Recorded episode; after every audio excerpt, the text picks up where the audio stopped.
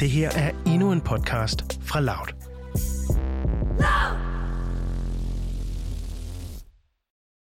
Hjertelig velkommen til øh, det her nye program på Radio Loud, som hedder Utopien.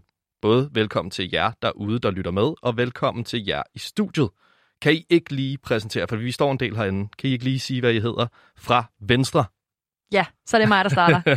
Jeg hedder uh, Cecilie. Hej Cecilie. Hej. Jeg hedder Nana. Hej Nana. Og jeg hedder Philip. Hej Philip. Normalt så kommer vi ikke til at være os alle fire i studiet. Øh, vi laver det her program sammen, os fire, øh, men vi kommer til at have nogle gæster normalt, når vi skal sende. Men den her første øh, omgang, der er det altså os, der lige forklarer, hvad det her koncept går ud på. Det her nye program, som vi har udviklet, og øh, ja, lige lære hinanden og jer at kende. Skal vi lige høre, hvad du hedder også? Nå ja, det glemte Det er jeg at sige. meget godt. Det tænker jeg også er rigtig godt. Det. Jeg hedder Niels. okay. Utopien, det er altså det her nye radioprogram på Radio Loud, hvor vi øh, forsøger at forestille os alternative samfundsformer, der løser nogle af de problemer, som der er i samfundet, vi kender i dag. Jeg tror, vi alle sammen har sådan en fornemmelse af, at der er en masse ting, der ikke lige spiller øh, ude i verden. Altså man, man tænker klimaforandringer og flygtninge og pandemier, og der er ligesom rigeligt at tage fat på. Mm. Øhm, jeg kan godt lide det her citat fra antropologen øh, David Graeber, der siger, at the ultimate hidden truth of the world is that it is something we make and could just as easily make differently. Så jeg synes altså, der er noget sjovt i det her med, at hvis man forestiller sig alternative verdener, så kan det være et skridt på vejen øh, mod rent faktisk at lave nogle ændringer i virkeligheden. Aha. Hvert øh, program i den her programrække, det øh, kommer til at tage fat på et nyt samfundsområde i vores imaginære verden her, vi stiller op. Øh, det kan være om byen, øh, det kan være om infrastruktur, det kan være om klima, det kan være om, hvordan øh, magten skal se ud i det her samfund, vi laver. Der kommer ligesom til at være alle mulige forskellige områder, som vi konkretiserer med en konkret aktuel problemstilling hver gang. Så altså, hvilket problem er der i forhold til det her ude i verden lige nu, og hvordan kan vi lave det anderledes i vores samfund? Og der må, vi vi gerne, på. der må vi gerne drømme lidt, måske. Vi må gerne drømme, vi må gerne øh, tænke ud af boksen. Ideen med det program er ligesom, at det skal være konstruktivt og, øh, og lejende, men samtidig have en eller anden rod i virkeligheden. Så vi har altså også et benspænd, der siger, at det skal være muligt ud fra øh, øh, sådan teknologi, som er eksisterende lige nu, eller som er mulig i hvert fald, og øh, ud fra de naturlove, der hersker på jorden. Mm. Øhm, det kommer til at foregå sådan, at vi i hvert afsnit kommer til at have to gæster fremover. Den ene kommer til at være en ekspert på området, så hvis vi har om byen, så kommer der til at være en ekspert på byudvikling, øh, og den anden kommer til at være en eller anden form for offentlig meningsdanner eller en kulturpersonlighed. Og sammen med os skal de ligesom først oprise, hvad problemet er lige nu, og så bagefter i anden halvdel af programmet kommer til at øh, give os nogle forskellige løsninger på det her problem. Ud fra nogle idealer, som vi opsætter nu. Fordi at det her samfund, som vi finder på nu, det skal altså bygge på nogle sådan, grundidealer. Øhm, man kender det måske fra øh, den franske revolution, der jo handlede om at få mere frihed, lighed og broderskab, eller fra den amerikanske uafhængighedserklæring, hvor der står sort på hvidt, at alle skal have ret til at øh, jagte deres egen lykke osv. osv. Så der er altså de her idealer, som alle samfund på en eller anden måde bygger på, kan man sige, mere eller mindre officielt. Og nu opstiller vi altså nogle af dem. Øhm, vi kommer til at arbejde ud fra fire idealer i det her program, og de hedder lighed, retfærdighed, bæredygtighed og lykke. Øhm, og Cecilie, hvad tænker du, når du hører de her fire? Hvorfor er det lige præcis de fire, vi har valgt? Jeg synes, at de, de alle sammen er meget sådan aktuelle. Jeg synes, det er nogle vigtige uh, ting at tage med til det. ja. altså, ja, der, der tog mig lige med bukserne ned, og jeg spørger mig om det, fordi at... Jeg føler mig slet ikke så klog i det.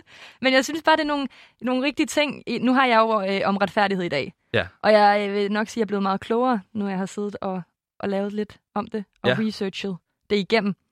Øhm, og der er mange ting, jeg ikke sådan rigtig vidste. Hvor jeg var sådan, det er vigtigt, at man ved, at det skal der være for, at vi har det godt. og det er, ja, det synes jeg er en af de, nok en af de ting, jeg tænker, der er vigtigt om det. Helt klart. Hvad med dig, Philip? Hvad tænker du, når du hører de her fire? Hvorfor er det de fire, og ikke alle mulige andre fire? Ja, det er jo vildt svært. Altså først og fremmest så synes jeg, det er vigtigt, at vi ligesom får forklaret, at vi har en eller anden nysgerrig vinkel vi er ikke eksperter i hverken, hverken retfærdighed eller bæredygtighed eller noget som helst. Det kommer der til at være nogle andre, som kommer til at være helt vildt kloge på, som vi inviterer ind i studiet. Men vi har ligesom sådan en nysgerrig og undersøgende vinkel. Øhm, og jeg kommer til at snakke en hel masse om bæredygtighed i dag. Et fænomen, som, øh, ja, som fylder vanvittigt meget i hverdagssnak og bare sådan helt generelt. Altså et ord som bæredygtighed, det hører man jo hele tiden. Øh, men, men ja, lige præcis hvorfor det er de fire idealer, Øh, det er et svært spørgsmål at, at svare på, men, øh, men hvis man har de, hvis, hvis de fire idealer er tilstedeværende, så har man i hvert fald en verden, der er et bedre sted at være i, tænker jeg. Så, så det, er jo, det er jo derfor, man kunne helt sikkert godt have et femte ideal, eller et sjette ideal, eller tre idealer, eller noget af den stil, men vi måtte ligesom beslutte os for at, at finde nogen, og ja. det gjorde vi. Så man kan sige, det har været de fire vigtigste for os, kan man sige, ja. fælles, os fire. Okay, jeg synes, at vi skal springe ud i et lille musiknummer, som på en eller anden måde øh, relaterer sig til dit emne, Philip, bæredygtighed. Lige præcis. Øhm, og du kommer til at forklare om det bagefter, men nu synes jeg altså bare, at vi skal høre det, og det kommer her.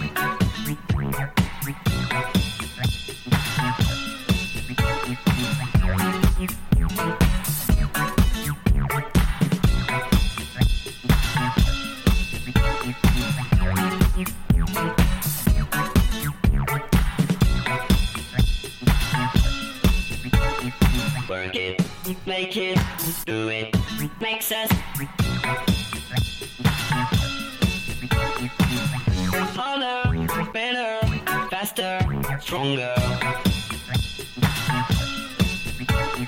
more than power, power, never,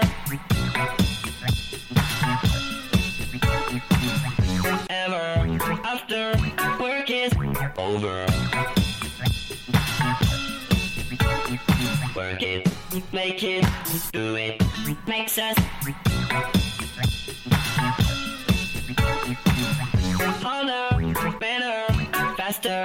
stronger.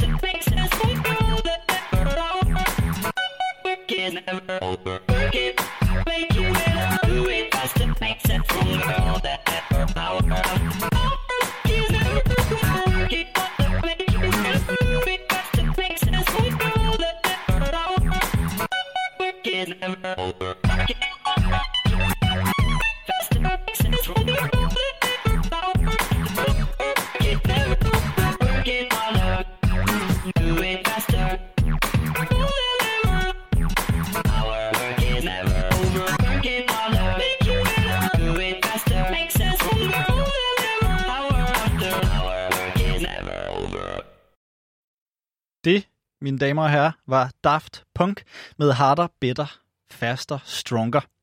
Og øh, det er, øh, som I ved, fordi Niels lige forklarede, det et nummer, som jeg har taget med, som handler lidt om bæredygtighed. Eller selve nummeret handler ikke om bæredygtighed, men jeg har ligesom prøvet at dreje det om øh, til at kunne handle om det. Og jeg har taget det med af tre årsager.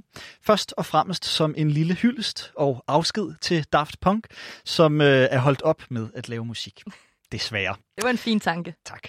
øh, for det andet, så øh, synes jeg simpelthen bare, at det er et fedt nummer, så derfor øh, tog jeg det med. Og for det tredje, og øh, måske mest vigtigt i dag, så øh, har jeg taget det med, fordi det, relater, øh, fordi det relaterer sig til det ideal, som jeg skal snakke om, altså bæredygtigheden. I nummeret, der synger de franske producer Guy Manuel og Thomas Bangalter, det er garanteret ikke sådan, man siger det, men jeg prøvede lige, øhm, i en meget forvrænget og, og autotunet lyd. De synger Work it harder, make it better, do it faster, makes us stronger. Og det er en eller anden form for effektiviseringstankegang. Jo mere vi arbejder, jo hårdere vi arbejder, jo bedre får vi det. Og lige præcis ud fra denne her tankegang, som jeg øh, desuden forestiller mig, øh, at Daft Punk de synger med en eller anden ironisk eller sarkastisk distance. Men lige præcis fra denne her tankegang, der udspringer begrebet bæredygtighed som et modsvar til netop det her med at arbejde hårdere, hurtigere og bedre. Øhm, begrebet det begynder hyppigt at blive brugt i 1980'erne, hvor man begynder at sætte spørgsmålstegn ved, om den daværende udvinding af, nat- af naturressourcer øh, det blev gjort på en ansvarlig måde. Øh, men lad os lige starte med at få defineret det her begreb. For hvad er bæredygtighed? Øh, hvis vi øh, starter med at kigge og vende blikket mod øh, verdensmålet, så er det et ud af de her 17 øh, verdensmål, nemlig øh, bæredygtighed. Og øh, i 1983 der besluttede FN, at der skulle nedsættes en verdenskommission for miljø og udvikling, som ligesom skulle prøve at dele øh, med denne her stigende bekymring, som altså omhandlede udvinding af ressourcer. Og i denne her øh, kommission, der blev den daværende norske statsminister øh, formand, eller forkvinde, hvis man skal kalde det det. Øh, hun hedder Gro Harlem Brundtland, og kommissionen den laver en rapport, som man så opkalder efter for kvinden. Brundtland-rapporten hedder den. Og det er altså her, at man definerer begrebet for første gang, sådan officielt. Det gør man på følgende måde. En bæredygtig udvikling er en udvikling, som opfylder de nuværende behov, uden at bringe fremtidige generationers muligheder for at opfylde deres behov i fare. Så der er altså et tidsmæssigt perspektiv i begrebet, som fortæller, hvordan øh, de nuværende behov de ikke må tilsidesættes, sådan så fremtidige generationers muligheder for at forfølge deres behov, de ikke er mulige. Men ud over det tidsmæssige, så er der også en øh, tredelthed. Begrebet det er holistisk, det fortæller rapporten også. Og holistisk det er det her med, at øh, man kigger på helheden og ikke kigger på en, de enkelte delelementer. Øhm, begrebet det indebærer en, øh, en sammentænkning af det miljømæssige, som nogen også vil kalde det økologiske, det sociale og det økonomiske. Og dermed så udelukker det altså den her mulighed for kun at øh, kigge på de enkelte dele. Der findes andre måder at definere det her begreb på, men vi, vi har ligesom valgt at tage udgangspunkt i denne her måde. Men hvad betyder det så i praksis? Hvad er bæredygtighed i praksis? Øh, det handler dybest set om at tage ansvar, både for det, der sker nu her, men også for det, der sker i fremtiden og for vores fremtidige generationer. Og det kan jo ses på, øh, på mange forskellige niveauer. Det kan være et bæredygtigt frivillig miljø, som formår ligesom at holde sig øh, kørende over en længere øh, tid. Det kan også være en avocado-produktion. Avocado, undskyld. Rookie mistake. Ja, en avocado-produktion kan også være bæredygtig. Øh, det kan den også ikke være. Det tror jeg måske, vi kommer til at snakke om i et afsnit på et eller andet tidspunkt. Øh, men det er eksempler på, på bæredygtighed, og det kan jo ses i alle mulige niveauer, for eksempel. Jeg kunne godt tænke mig at høre, hvad I tænker om bæredygtighed. Det er jo et begreb, man hører altid, hele tiden, men, men hvad betyder det egentlig? Hvordan forstår I det, og hvordan tænker I det? Altså, jeg, øh, jeg er jo typen, der siger, at jeg går rigtig meget op i bæredygtighed, men når det nok kommer til stykket, faktisk ikke gør det. Jeg vil ønske, jeg gjorde. Mm. Øh, men, men jeg prøver da så vidt muligt at lade være med at øh, købe for meget tøj på nettet, og øh, plastikposer er jeg rigtig meget imod. Mm. Og hvis jeg går forbi skrald på gaden, så samler jeg det også op. Men jeg gør i hvert fald ikke nok i forhold til, hvad jeg gerne ville gøre. Nej. Og sådan tror jeg, der er virkelig mange, der har det. Ja. Og, øh, og hvis man sendte et spørgeskema ud til øh, den danske befolkning, er jeg helt sikker på, at der er rigtig mange, der vil sige, at de lever bæredygtigt, eller prøver at leve bæredygtigt. Men spørgsmålet er egentlig, om man gør det. Jeg tror også, det er fordi, at nu er det blevet en stor ungdomsbevægelse i vores tid, kan man sige, og det er vores generationsopgør på mange måder, det her med klimaet.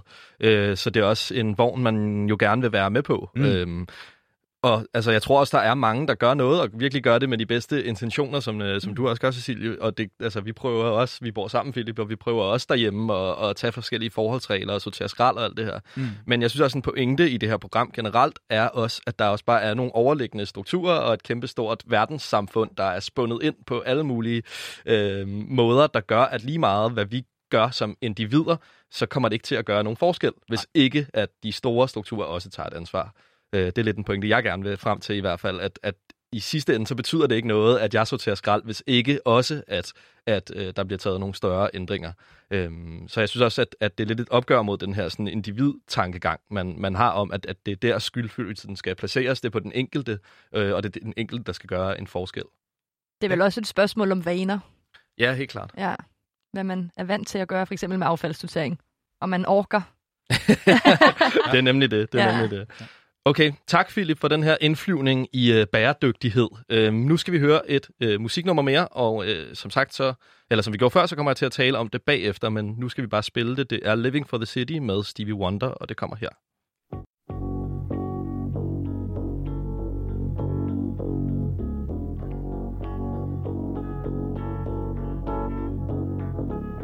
A boy's born in hot time, Mississippi. surrounded Give him love and affection to keep him strong, moving in the right direction, living just enough, just enough for the city.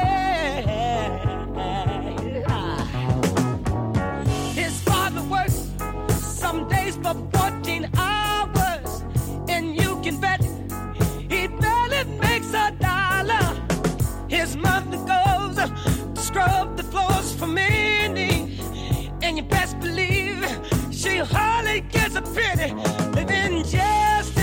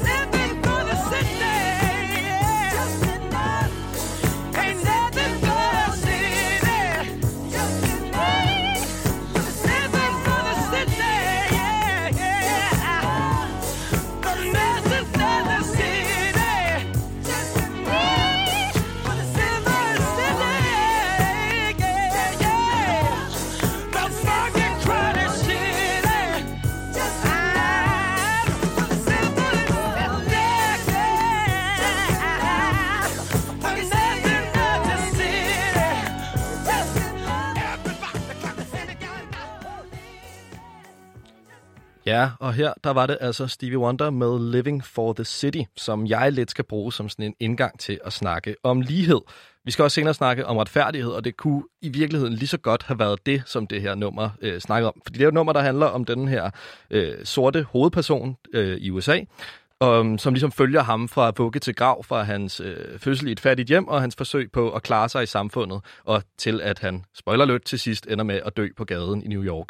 Øhm, og ideen er ligesom, at, at han hele vejen igennem er et anstændigt menneske. Hans familie er søde og hårdarbejdende og bygger på alle de rigtige værdier egentlig i forhold til sådan også de amerikanske værdier, hvad man skal gøre som person for at klare sig i samfundet. Men alligevel så ender de med at tabe alle sammen fordi at de er sorte, og fordi at de øh, er i et andet samfundslag, kan man sige, end dem, der har magten. Øh, så det er en sang, der rigtig godt, synes jeg, illustrerer det her med ulighed, og igen det her med, at man som individ kun kan gøre så meget nogle gange, hvis der er et helt samfund, der holder en, øh, der holder en nede. Øh, til sidst i sangen, Øh, I det sidste vers, der er der så en bøn øh, ud til lytteren, kan man sige, om at skabe et mere lige samfund. Altså at det her, det kan ikke være rigtigt, at de her ting foregår i, i, i den verden, øh, som vi lever i, ud fra de idealer, vi normalt øh, plejer at sige, at vi har i vores verden. Øh, så der er altså ligesom den her bøn til lytteren om, at, øh, at hvis du også synes, det her er ulige og uretfærdigt, øh, så skal du tænke dig mere om, og så skal du prøve at kigge på, på det samfund, der er omkring dig det synes jeg hænger meget godt sammen med, med, med det her ulighedsbegreb, og øh, uli, eller hvad hedder det, med lighedsbegrebet. Og øh, lighed øh, hænger sammen med ulighed, og ulighed kan man jo se øh, på alle mulige forskellige måder, både i forhold til race og seksualitet, men også økonomisk selvfølgelig. Øh, en ting, som jeg godt kunne tænke mig at snakke om, det er det her omkring the 1%, som sådan et begreb, øh, hvilket handler om det faktum, det helt absurde faktum, kan man sige, at der er 1% af verdens rigeste befolkning, som ejer øh, mere, end 45, eller mere end 44 procent af verdens rigdom. Så altså den rigeste øh, ene procent sidder ligesom på 44 procent af alle ressourcer, der findes i verden, mm. øh, hvor resten af de 99 procent må deles om det, der er tilbage. Øhm, den her ulighed, det er jo noget, vi ikke mærker lige så tydeligt i Danmark, kan man sige, som i alle mulige andre steder, og i hvert fald ikke ligesom, øh, lige så meget, som man gør i USA. Men den er faktisk også stigende, den økonomiske ulighed i Danmark. Der er en rapport fra analysecenteret VIVE øh, fra sidste år, der viser, at, øh, ja, der viser, at den her indkomstulighed, som den er stigende i Danmark, øh, dog har det primært at gøre med befolkningssammensætning. Det vil sige, at det har at gøre med, at der er flere og flere, der bliver studerende, og flere og flere, der bliver øh, pensioneret, og derfor tjener mindre end dem, der er på arbejdsmarkedet. Så det er altså også sådan nogle af mekanismer, der gør, at der bliver skabt ulighed i samfundet. Men man kan sige, at på verdensplan er der også bare en helt vild øh, forskydning i magtbalancen og i den her fordeling af øh, de ressourcer og de midler, der nu er tilgængelige. Øhm, nogle af dem, der snakker om det her, og øhm, som man måske kender fra sin gymnasietid eller fra universitetet, er øhm, økonomerne John Maynard Keynes og øh, den anden økonom, F.A. Øh, Hayek, som lidt står modsat hinanden. Øh, Keynes han op, øh, opfandt den her øh, økonomiske model, som også baserer sig på kapitalismen og det frie marked, men som handler om, at man skal regulere markedet. Altså man skal hele tiden øh, forsøge fra øh, statslig øh, side at lave nogle ting, der gør, at det bliver mere retfærdigt fordelt. Modsat ham stod altså F.A. Hayek, som øh, snakkede om, at det bare skulle være et helt åbent marked, og det er i virkeligheden er den bedste model, menneskeheden kender til til at skabe lighed og retfærdighed i samfundet. Øhm, så er der også, hvis man kigger i nyere tid, har vi ham, der hedder Thomas Piketty, som er blevet rigtig stor på de øh, to bøger, han har skrevet om kapital og ideologi og kapital i det 21. århundrede, øh, som igen også øh, prøver at finde tilbage til den her keynesianisme, Keynes model, om at der, det er fint, at der er et marked, som egentlig styrer, hvem der skal arbejde og hvor meget man skal have for det osv., men at vi skal have nogle mekanismer, der gør, at det bliver retfærdigt fordelt. Øhm, spørgsmålet det er så også, om øh, større lighed skaber større lykke. Øhm, og det vender vi tilbage til sidste program, når vi skal snakke om lykke, øh, og hvad konsekvenserne af det her med en stat, der indblander sig i, hvordan midlerne skal, skal fordeles, øh, hvad konsekvenserne af det kan være. Øh, hvad tænker I, når I hører ordet lighed, og hvis I tænker på den her sådan, økonomiske ulighed? Man kan sige, at vi står jo her i øh, København som universitetsstuderende i Danmark, og har jo øh, rigtig meget af det, vi skal have behov for. Man kan sige, at vi er i den rigtige ende af øhm, af uligheds lighedsskalaen. Vi har vores på det tørre, for så vidt. Mm. Øhm, hvordan tænker I, at det her med ulighed, det har indvirkning på jeres hverdag? Altså jeg synes, man øh, selvfølgelig kan man se det i Danmark, men man kan se det ekstremt meget, når man er ude og rejse. Øh, jeg har været i Indien for mange år siden, og der rammer den ulighed bare en, som den ikke gør i Danmark på samme måde, og garanteret også i USA og i alle mulige andre steder. Øh, det her med, at der på den ene side af gaden er en, øh, en, en eller anden luksusbygning høj, øh, med masser af etager, måske en pool, og, og der er selvfølgelig en, en stor port og en mur, øh, og på den anden side der er et eller andet øh, slumområde for, for de mennesker, som er lavest stillet. Øh, og der rammer uligheds... Øh, øh, begrebet virkelig en, synes jeg. Altså, øh, og det kan det selvfølgelig også i Danmark, men, men ikke i lige så ekstrem grad, som når man er ude at rejse. Nej. Har I andre nogle, øh, nogle tanker omkring det? Hvordan, hvordan sådan, øh, jeg rammer det jer i jeres hverdag, eller fylder det i jeres hoveder, øh, selvom I ligesom er sikre der, hvor I er? Mm, altså, jeg synes godt, man kan mærke det lidt, når man er studerende, sådan på tværs af andre studerende. Altså mm. det der med, at man, det kan godt være, at vi alle sammen får SU, men det er ikke alle, der har et studiejob ved siden af. Så jeg synes tit, hvis man sådan skal ud og spise med en veninde eller et eller andet, altså så kan den der økonomisnak godt komme op i det og være sådan, det har jeg sgu ikke råd til den her måned, kan vi rykke det eller sådan noget. Og der kan jeg godt, man kan godt få det dårligt, fordi at man måske er den, der ikke har råd, men man kan også få det dårligt, fordi man er den, der spørger, mm. og der gerne vil ud. Så jeg synes godt, at man kan mærke det på sådan nogle små ting i hverdagen Klart. sagtens. Klart. Ja, jeg tror også, du har ret i, at det er jo noget, der fylder på alle mulige forskellige niveauer, både på sådan det helt store globale niveau, men også i ja, de små handlinger, vi, vi laver i, øh, i hverdagen. Jeg synes et godt eksempel på det lige nu, øh, det her med, at altså man behøver ikke engang at tænke, at, øh, sådan at være heldig og skulle tænke, at man er en, der vil redde verden. men det har reelle konsekvenser for en selv, at, de, at der er kæmpe ulighed i verden. Et godt eksempel på lige nu er, at øh, det her med vacciner, coronavacciner, at vi får, øh, sindssygt, får det sindssygt hurtigt her i Europa, fordi vi er rige og har råd til at betale medicinalfirmaerne for det, mens de i Brasilien og i Afrika slet ikke har nogen vacciner, hvilket gør, at der bare udvikler sig nye mutationer, så ikke, som I så igen kommer til at komme hertil og få reel indflydelse på mit liv. Mm. Øhm, så, så man kan også sådan helt egoistisk tænke, at øh, stor ulighed i, i verden er også er dårligt for en selv, faktisk. Hvad jeg mener. Øhm, i sidste ende, så er det her med lighed og ulighed, altså hvor meget skal der være, og hvor meget skal vi regulere det, det er jo et spørgsmål om moral. Øh, og det er også et spørgsmål om magt og hierarkier. Hvad for nogle hierarkier og hvad for nogle magtstrukturer vil vi have, øh, der skal være definerende for vores samfund? Skal det være det frie marked, eller skal det være individet, eller skal det være en stat, eller skal det være noget helt andet? Det er så noget af det her, vi kommer til at diskutere i, øh, i den her programrække, når snakken den kommer til at falde på det her ideal lighed. Nu skal vi videre, og vi skal høre en sang, som du, Cecilie, har haft med. Ja. Og øh, jeg tænker også, at du snakker om den, efter vi hører den. Det gør jeg. Okay. Yes. Så sætter vi den bare på. Det er en god gammel klassiker. Radio Gaga med Queen.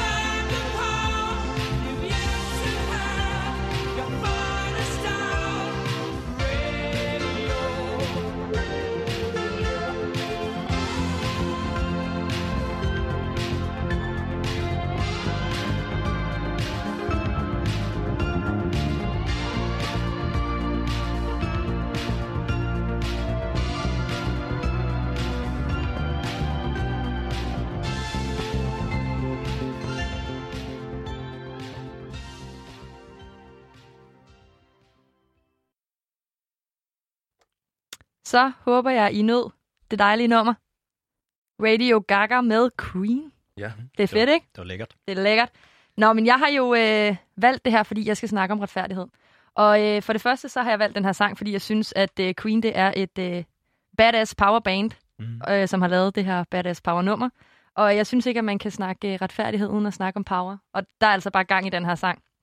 Øhm, lidt mere sådan kejlet ind på retfærdighed, så har jeg også valgt det her nummer, fordi at det, det i en lille omfang omhandler retfærdighed. Fordi det omhandler nemlig emnet om, at bandet udtrykker sin øh, utilfredshed med, hvordan fjernsynet det sådan overtager radioen med hensyn til popularitet. Mm. Ergo, der er nogen, der føler sig øh, rigtig retfærdig, øh, uretfærdigt behandlet. Mhm. Øhm, jeg har prøvet sådan at kigge lidt på retfærdighed, og jeg synes, at det er en ret stor størrelse og en ret sådan stor mundfuld, altså som jeg har sådan lidt svært ved at forholde mig til. Fordi for mig, der er retfærdighed ikke sådan en selvfølge. Det handler mere om en ikke def- sådan definerbar balance mellem retfærdighed og uretfærdighed. Jeg føler ikke, at man kan have retfærdighed, hvis der ikke er uretfærdighed. Mm.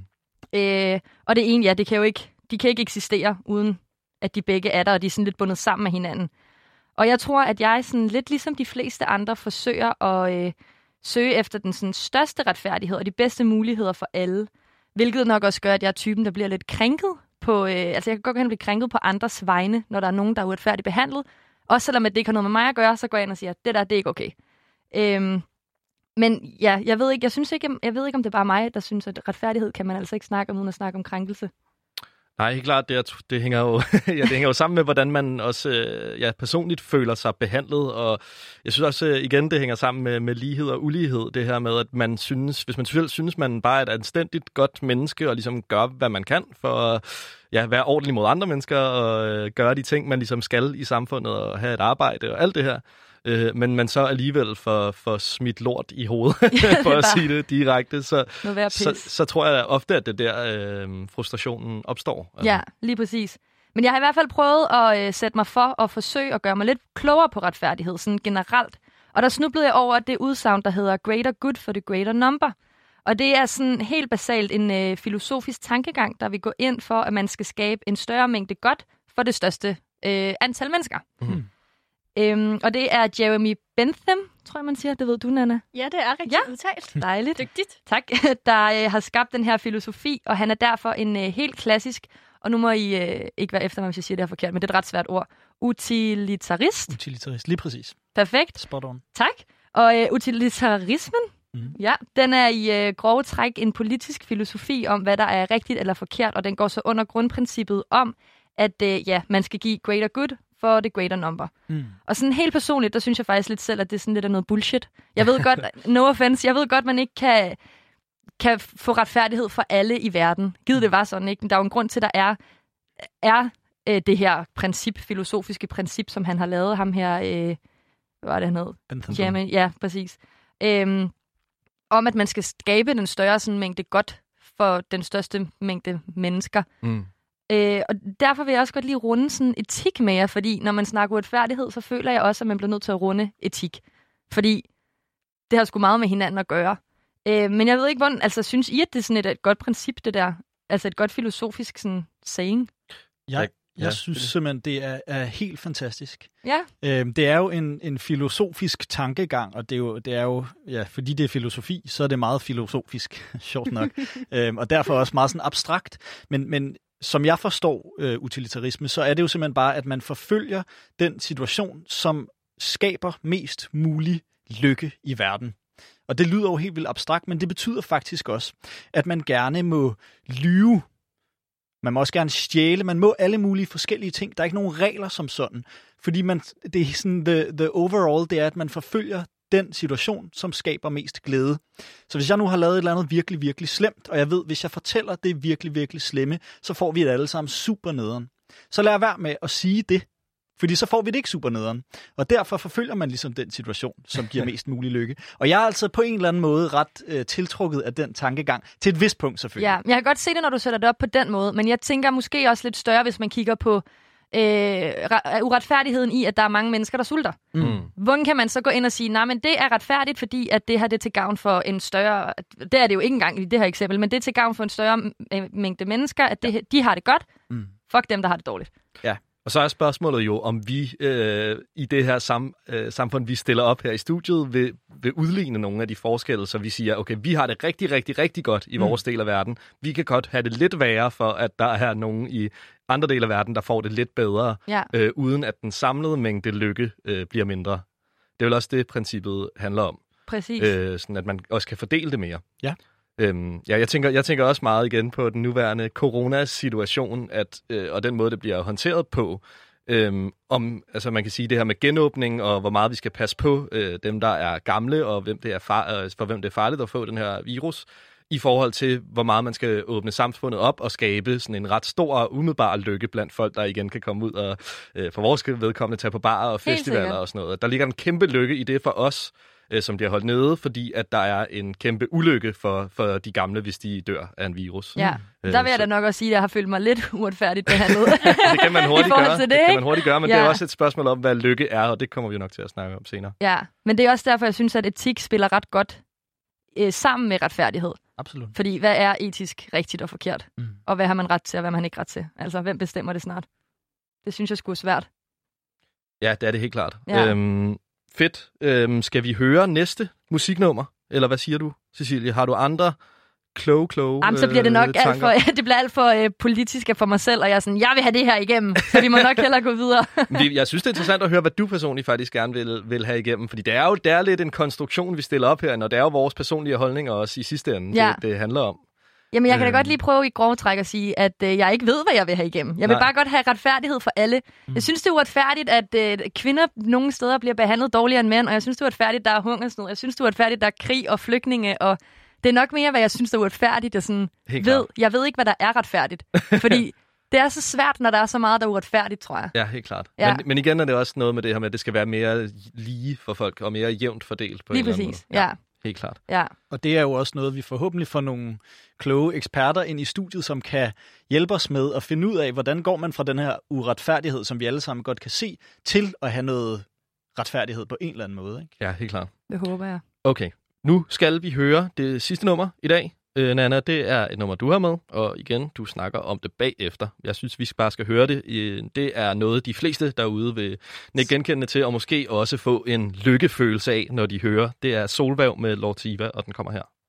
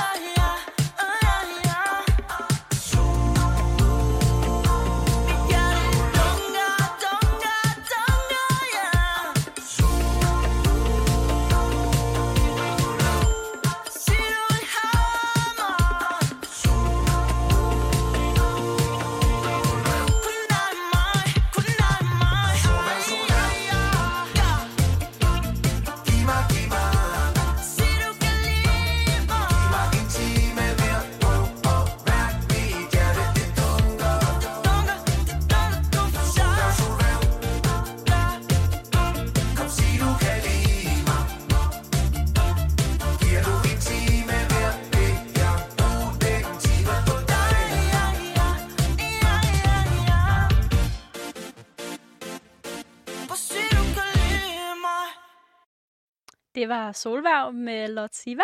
Det var det. Og jeg har simpelthen valgt den her sang her, fordi at jeg synes, det var svært at vælge sådan en sang, der handlede om lykke, så jeg valgte en sang, der giver mig en følelse af lykke. Ja. Det kan jeg godt forstå, den her gør. jeg synes, det her det er den ultimative sommerfestsang, særligt fra sådan sommeren 2020. Det må Jeg tror, sige. Alle har danset til den her. Helt klart. Og det er sådan en, der får alle på dansegulvet. Ja. Man kan simpelthen også- ikke lade være med at, at rocke lidt til det. Ja, altså, det, det er så fedt. Silla havde også sagt allerede inden, hun er sådan, jeg hader den sang, og så står hun herinde og danser. Ja. Ja, jeg kan ikke lade være. Jeg kan ikke lade være. Men jeg synes, det der er lidt svært ved det her ideal lykke, det er, det er sådan lidt, det er lidt svært at definere, fordi den store danske definerer det som en tilværelse, der lykkes og er præget af tilfredshed og glæde. Men sådan, hvor- hvornår ved man, at man har det sådan? Ja, det er nogle øh, meget svære og meget individuelle størrelser i hvert fald, må man sige, hvornår man er glad egentlig. Ja. Helt vildt. Hvornår er du sådan lykkelig, Niels? Det er et godt spørgsmål. Jeg synes, jeg er ret lykkelig lige nu, faktisk. Ja. Når jeg står her og øh, sender radio med jer. Ananas i egen juice. øhm, nej, altså jeg synes, altså, det, det er jo nemt at se det fra sådan nogle helt, øh, helt klare eksempler, som vi kender fra vores eget liv. Igen, fordi vi er unge, så er der, der er en kæmpe lykkefølelse i at kunne tage på bar med sine venner og øh, kunne tage på festival. Og jeg tror for mig generelt handler det meget om det sociale i virkeligheden. Og kunne være social med andre mennesker, jeg godt kan lide at være sammen med. Øhm, ja, det giver nok mig en lykkefølelse, vil jeg sige. Hvad med dig, Philip? Jamen, jeg har det helt sikkert på samme måde. Øh, i, I sociale sammenhæng, der, der kører det bare, så knapper man en lille kold øl op, og så, så har man det bare dejligt. Men samtidig så synes jeg også, det er vigtigt, at man kan være lykkelig i sit eget selskab. Ikke? Altså, mm. at Mhm. man kan sætte sig ind på sit værelse og bare være alene i sit hoved og være glad. Det tror jeg, at det, det prøver jeg at tænke over, at, at man skal være, fordi det er vigtigt, at man kan være, være sammen med sig selv alene og, og være glad. Ej, det er en rigtig god pointe. Det, ja, Ja. det er en Ja. god point. Det er skægt, de nævner sådan nogle ting, fordi jeg har det sådan over små ting. Jeg, synes, jeg bliver lykkelig, når det er sol, altså solskin, mm. eller når blomsterne springer ud, eller når jeg går en tur i skoven, og når jeg er udenfor i naturen. Altså, jeg bliver selvfølgelig også lykkelig at være sammen med andre mennesker. Det er ikke det.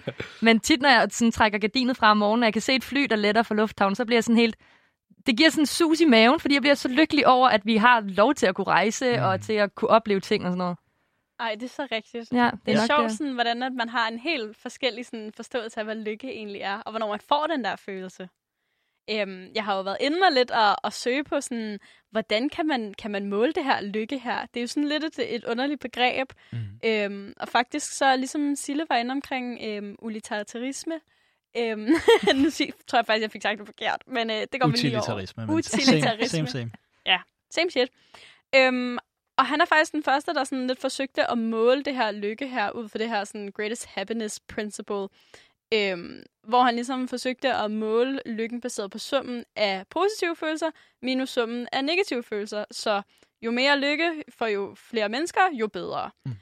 Og det synes jeg egentlig var en ret sjov måde at, vel, at måle lykke på, fordi hvornår ved man så, at folk er, er lykkelige? Altså sådan, det var en meget underlig ting. Og så kom jeg til at tænke på den her World Happiness Report, Mhm. mm-hmm. som vi altid hører om. Jeg tror, som dansker hører man jo tit det der, Danmark er det mest lykkelige land i verden.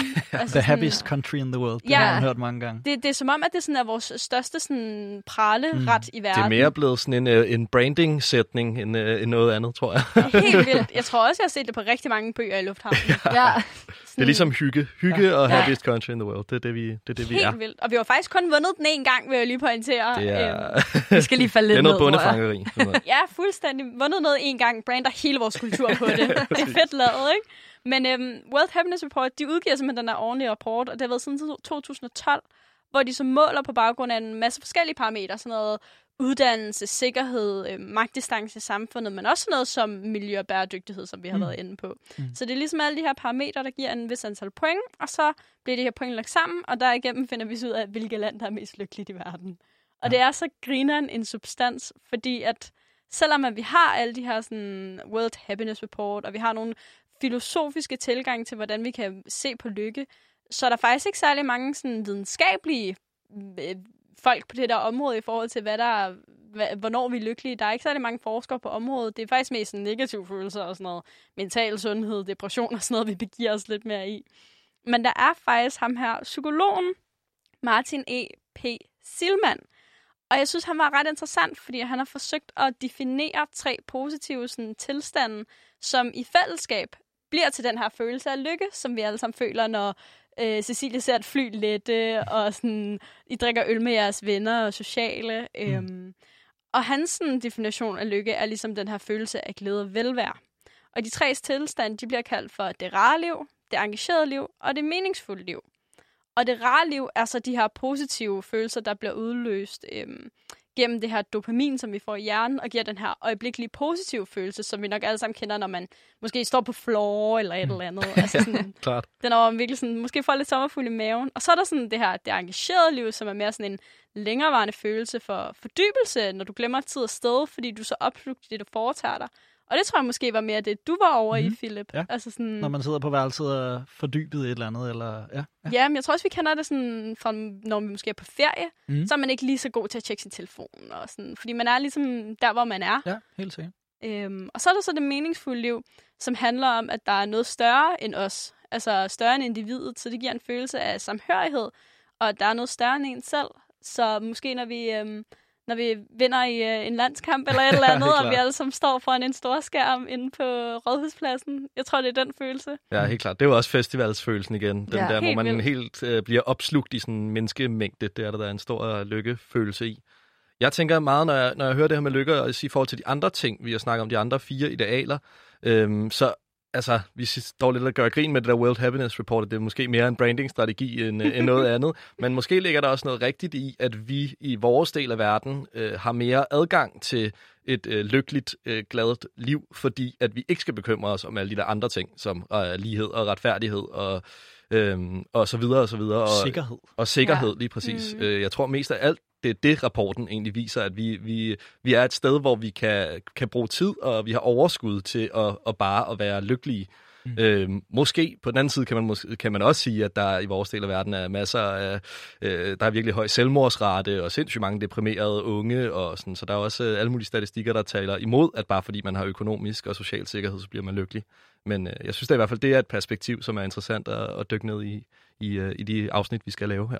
Det har du helt ret i, og lykke på en eller anden måde opsummerer jo også de tre andre idealer, vi har sat op. Ja. Altså sådan, de, hvad kan man sige, de er jo forudsætninger for, at vi kan have lykke. Mm-hmm. Ja, og på en eller anden måde er det jo det endemål, vi, vi altid arbejder hen imod i sidste ende. Altså, man vil jo bare gerne have øh, et lykkeligt, godt liv. det, vil, det vil alle mennesker jo i sidste ende, tænker jeg. Øhm, ja, så de andre leder ligesom hen til lykke på en eller anden måde. Ja, det er, lidt, øh, det er også derfor, det er en svær substans, sådan lige at skal stå og definere.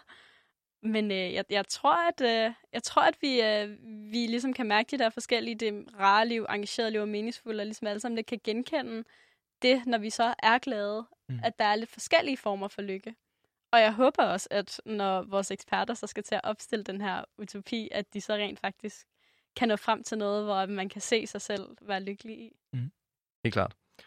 Alright, jeg tror, vi skal til at runde af for i dag. Det var virkelig fedt at stå her øh, sammen med jer i studiet og lige skabe sådan fundamentet, kan man sige, for det her øh, samfund, som vi skal bygge op øh, ud, øh, over de næste par øh, afsnit.